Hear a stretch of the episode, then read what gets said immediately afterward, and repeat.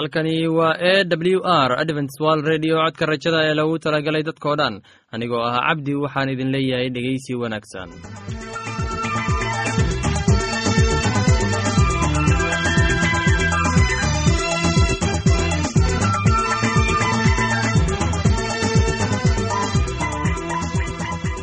Barnaamijyadeena maanta waa laba qaybood. Qaybta kuwaad waxaad ku maqli doontaan barnaamijka nolosha qoyska. Kadib waxaa inoo raaci doonaa cashar inaga yimid bugga nolosha dhegeystayaasheenna qiimaha iyo qadarinta mudano waxaan filayaa inaad si habboon u dhegeysan doontaan.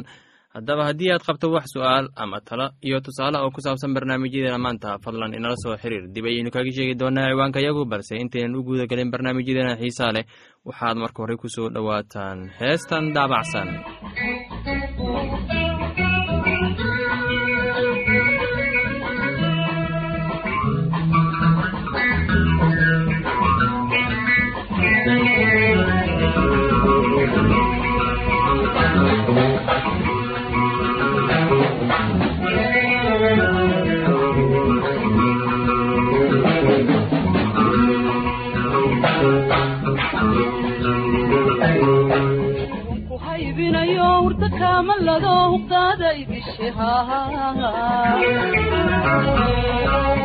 ku haybinayo hurda kaamalado huqdaada idishe jacayl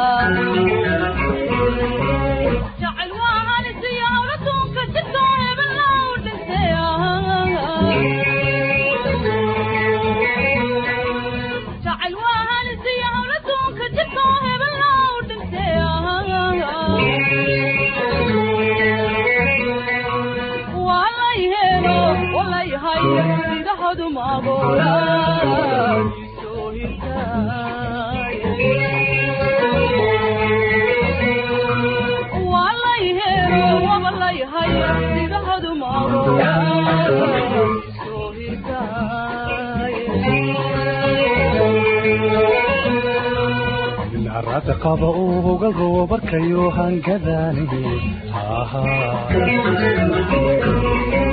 nin harada qaba uga goobarkayo hangadaani hubantaa taasoo habaabanaye hanqalkaan la kace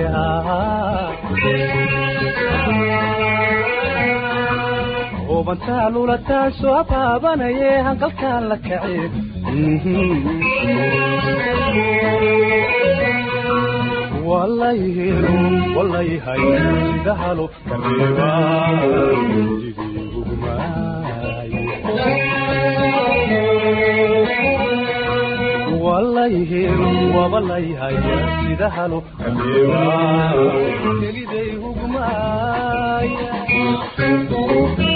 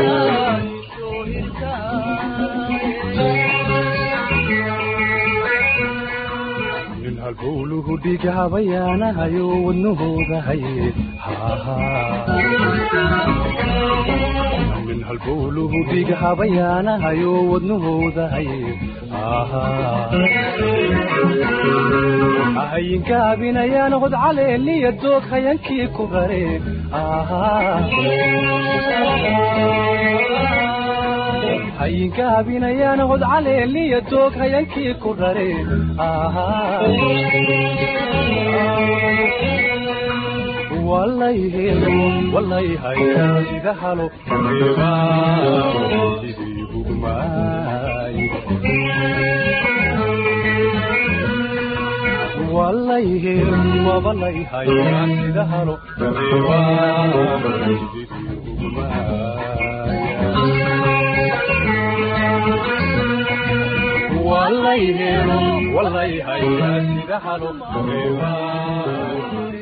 waxaan filayaa in aad ka faa'iidaysateen heestaasi. Haddana waxaad ku soo dhowaataan barnaamijkeena nolosha qoyska. Barnaamijkaasi waa barnaamij ka hadla arrimaha guud ee qoyska.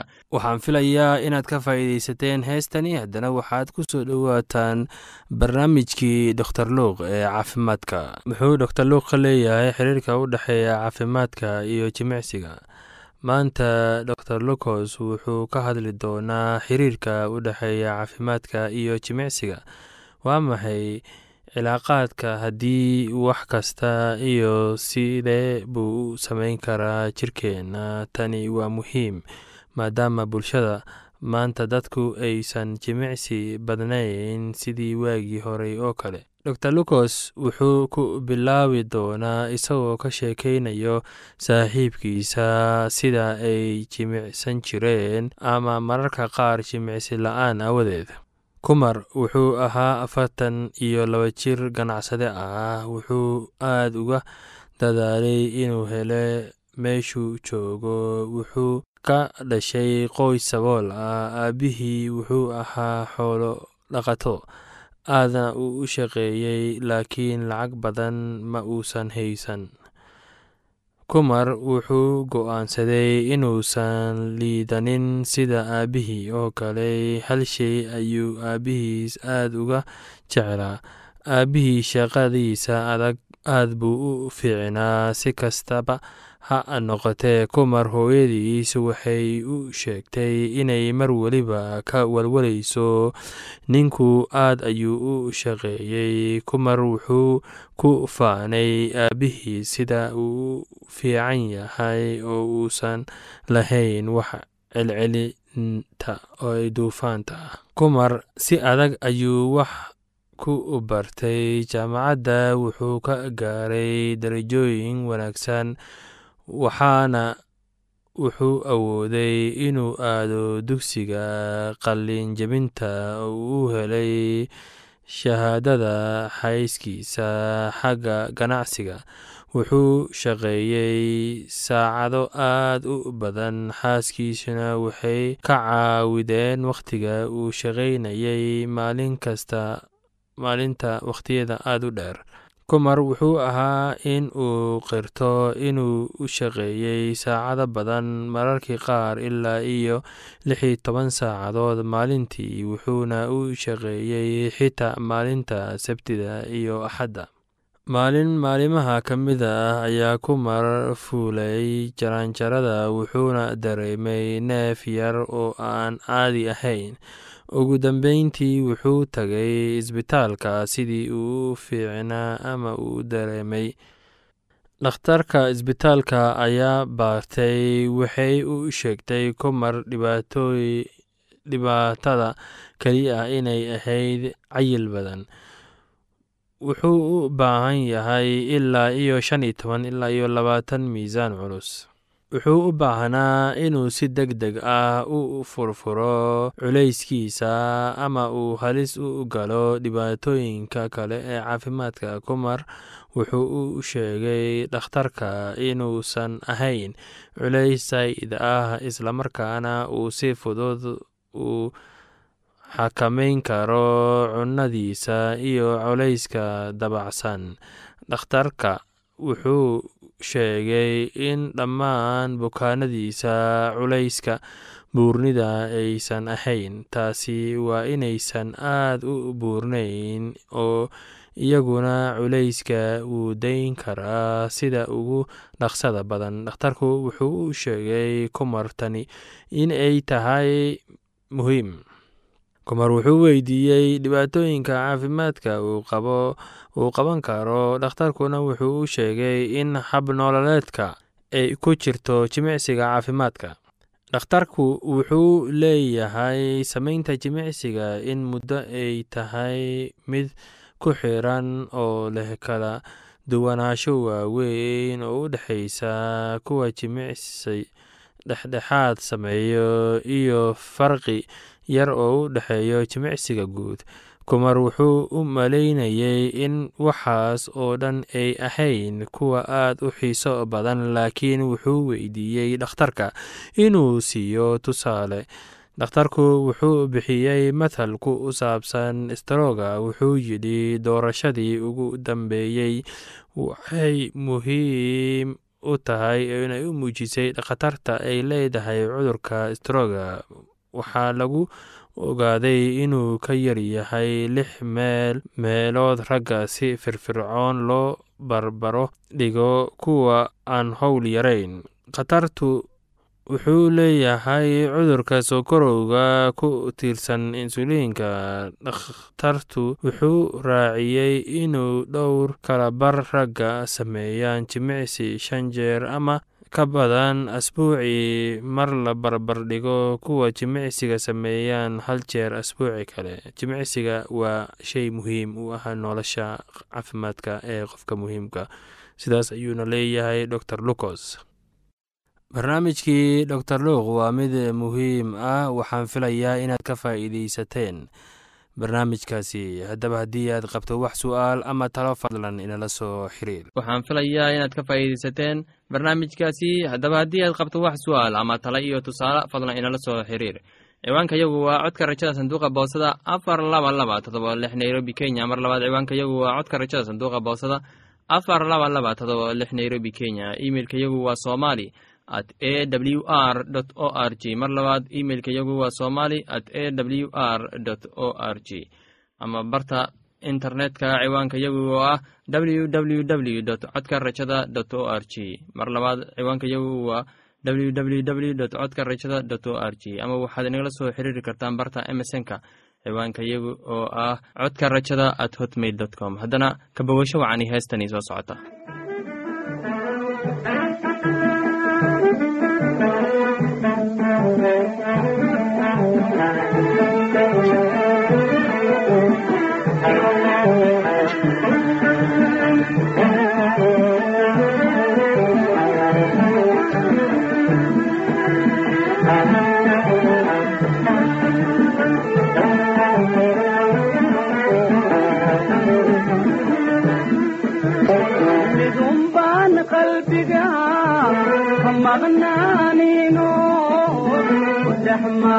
ma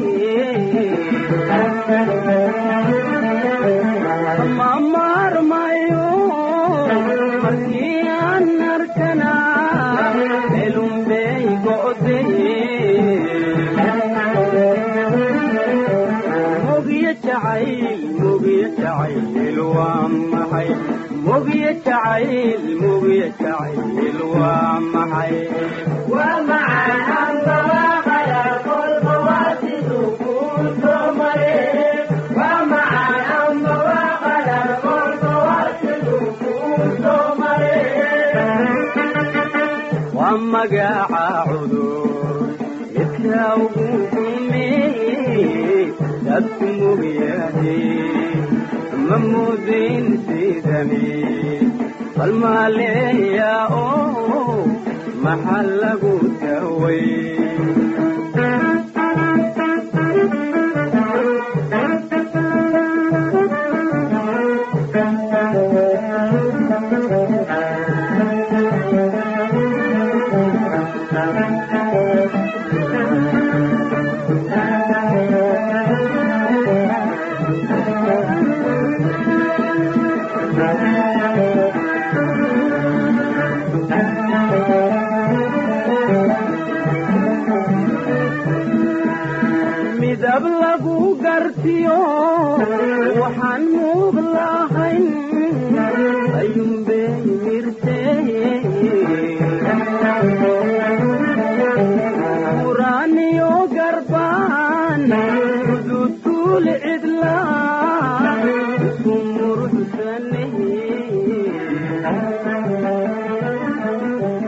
midab lagu gartiyo waxaan muuq lahayn ayuunbay mirtee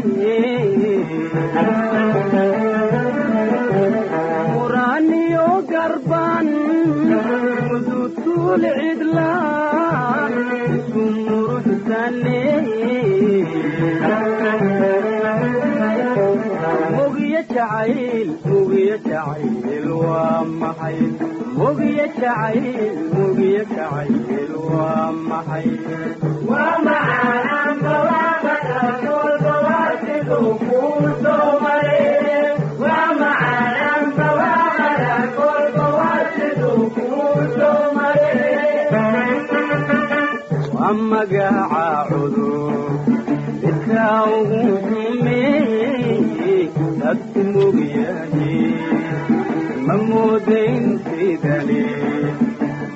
maaleeya oo maxaa lagu daway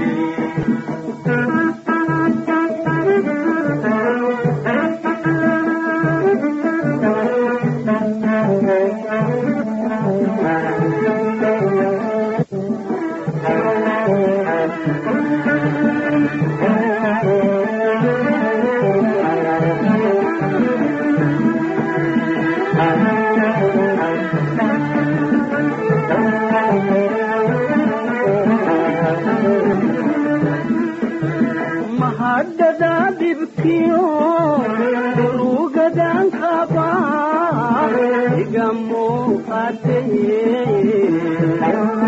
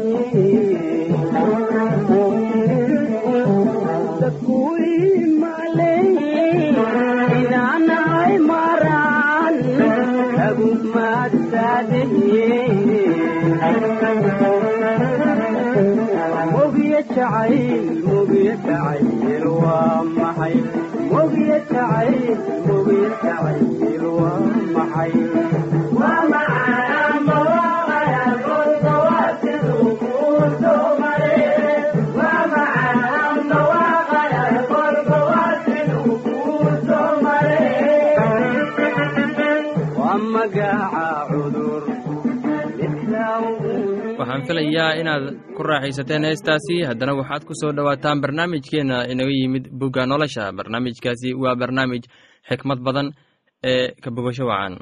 Oo waxaa soo baxay boqorkii sodom iyo boqorkii gomorra iyo boqorkii admah iyo boqorkii seboyin iyo boqorkii belac oo iyana ahayd socar oo waxay dooxo sidiim ugu diyaar garoobeen inay la dagaalamaan kedor la comer oo ahaa boqorkii ceelaam iyo tidcal oo ahaa boqorkii goyim iyo amrafel oo ahaa boqorkii shincaar iyo an aryog oo ahaa boqorkii elasaar waxay ahaayeen afar boqor oo shantii boqor ka gees ah. Haddaba dooxo sidim waxaa ka buuxday boholo waaweyn oo dhoobo ah oo boqorradii gomorra iyo sodom way carareen oo halkaasay ku dhaceen intii kalena waxay u carareen xagga buurta oo waxay qaateen alaabtii sodom iyo gomorra oo dhan iyo cuntadoodii oo dhan wayna iska tageen. Oo waxaa kaloo ay la tageen luud oo ahaa wiilkii abram walaalkiis oo sodom degganaa iyo alaabtiisii oo dhan wayna iska tageen. Oo waxaa yimi yimid soo baxday oo wuxuu u waramay abram kii ahaa raaniga isagoo ag degan dhirtii mamre kii ahaa reer amor oo eshkool iyo caneer walaalkood ahaa kuwaasoo abrahm bay gaashaanbuur la ahaayeen oo abrahm markuu maqlay in walaalkiis maxbuus ahaan loola tegay ayuu soo kaxaystay raggiisii la tababaray oo gurigiisii ku dhashay iyagoo ah saddex boqol iyo siddeetan iyo toddoba nin oo wuxuu raacdo ku jiray ilaa daan oo habeennimo ayuu raggiisii u kala qaybiyey isaga iyo addoomihiisiiba oo waxay lahaayeen colkii oo ay raacdaysteen ilaa xoobaa oo dimashik xagga bidixda ka ah oo alaabtii oo dhan buu soo celiyey oo waxa kale oo uu soo celiyey walaalkiis luud iyo alaabtiisii iyo naagihii iyo dadkiiba. Markuu ka soo noqday layntii koderlacomer iyo boqoradii la jiray kadib ayaa boqorkii sodom abram kaga hor degay dooxo shaaweh oo ahayd dooxadii boqorka oo malkisadeq oo ahaa boqorkii shalem baa keenay cunto iyo qamri wuuna wuxuuna ahaa wadaadkii ilaaha ugu sarreeya oo abrahm buu u duceeyey oo yidhi ilaaha ugu sarreeya ee leh samada iyo dhulkaba ha barakadeeyo abram ammaan waxaa leh ilaaha ugu sarreeya oo cadaawayaashaadii gacantaada geliyey markaasaa abram wuxuu isagii wax kasta ka siiyey toban meelood oo meel boqorkii sodom. Wuxuu abram ku yidhi dadka uun isii alaabtaadana adigu iska qaado. Laakiin abram wuxuu boqorkii sodom ku yidhi gacantaydan kor u taagay oo waxaan ku dhaartay rabbiga kan ah ilaaha ugu sarreeya ee leh samada iyo dhulka inaanan qaadanin miiq ama kab yeelmeheed ama wax adigu aad leedahay. Waayo waa waaba intaasoo aad tiraahdaa anaa abram hodan ka dhigay waxba qaadan maayo. Wixii ay ragga dhallinyarada ahu cuneen mooyaane iyo qaybtii raggii raacday caneer iyo eshkool iyo mamre ha qaateen qaybtooda waxyaalahaas kadib hadalkii ilaah baa abram ugu yimid muuqasho ahaan isagoo leh abramow ha baqin anigu waxaan ahay gaashaankaaga. Abaalgudkaaguna aad buu u weynaan doonaa. Oo abram wuxuu yidhi sayidow rabbiyow maxaad isiin doontaa? Waayo anigu carruur la'aan baan sii socdaa reerkaygana waxaa dhexli doona celeseer oo ah reer dimashik oo abram wuxuu yidhi bal eeg aniga ima aad siin farcan oo mid gurigayga ku dhashay baa idhaxlaya oo bal eeg hadalkii rabbiga u yimid isagoo leh ninkanu kuma dhexli doono laakiinse waxaa ku dhexli doona wiil aad dhali doontid oo dibadduu u soo bixiyey oo ku yidhi bal samada fiiri oo xidigaha tiri haddaad tirin kartid. Heestaasi iyo casharka buugga nolosha ayaanu ku soo gabgabayneynaa barnaamijyadeena maanta. Halkaad inaga dhegeysanaysaan waa laanta afka soomaaliga ee codka rajada ee lagu talagalay dadka oo dhan. Haddaba haddii aad doonayso inaad wax ka faa'iidaysataan barnaamijyadeena sida barnaamijka caafimaadka barnaamijka nolosha qoyska iyo barnaamijka kitaabka quduuska fadlan inala soo xiriir. Ciwaanka yagu waa codka rajada sanduuqa boosada afar laba laba todoba lix nairobi kenya. Mar labaad ciwaanka yagu waa codka rajada sanduuqa boosada afar laba laba todoba lix nairobi kenya. Emeilka yagu waa somali at a w r o r g. Mar labaad emeilka yagu waa somali at a w r o r g. Ama emesonka oo ah codka rajada at hotmail dot com. Mar labaad emesonka yagu waa codka rajada at hotmail dot com. Ama barta internetka ayaad ka akhrisan kartaan barnaamijyadeena iyo ka maqasha sida www dot codka rajada dot o ash dhegeystayaasheena qiimaha iyo qadarinta mudan oo barnaamijyadeena maanta waa naga intaas. Tan iyo intaynu hawada dib ugu kulmayno waxaan idin leeyahay sidaas iyo ammaano allah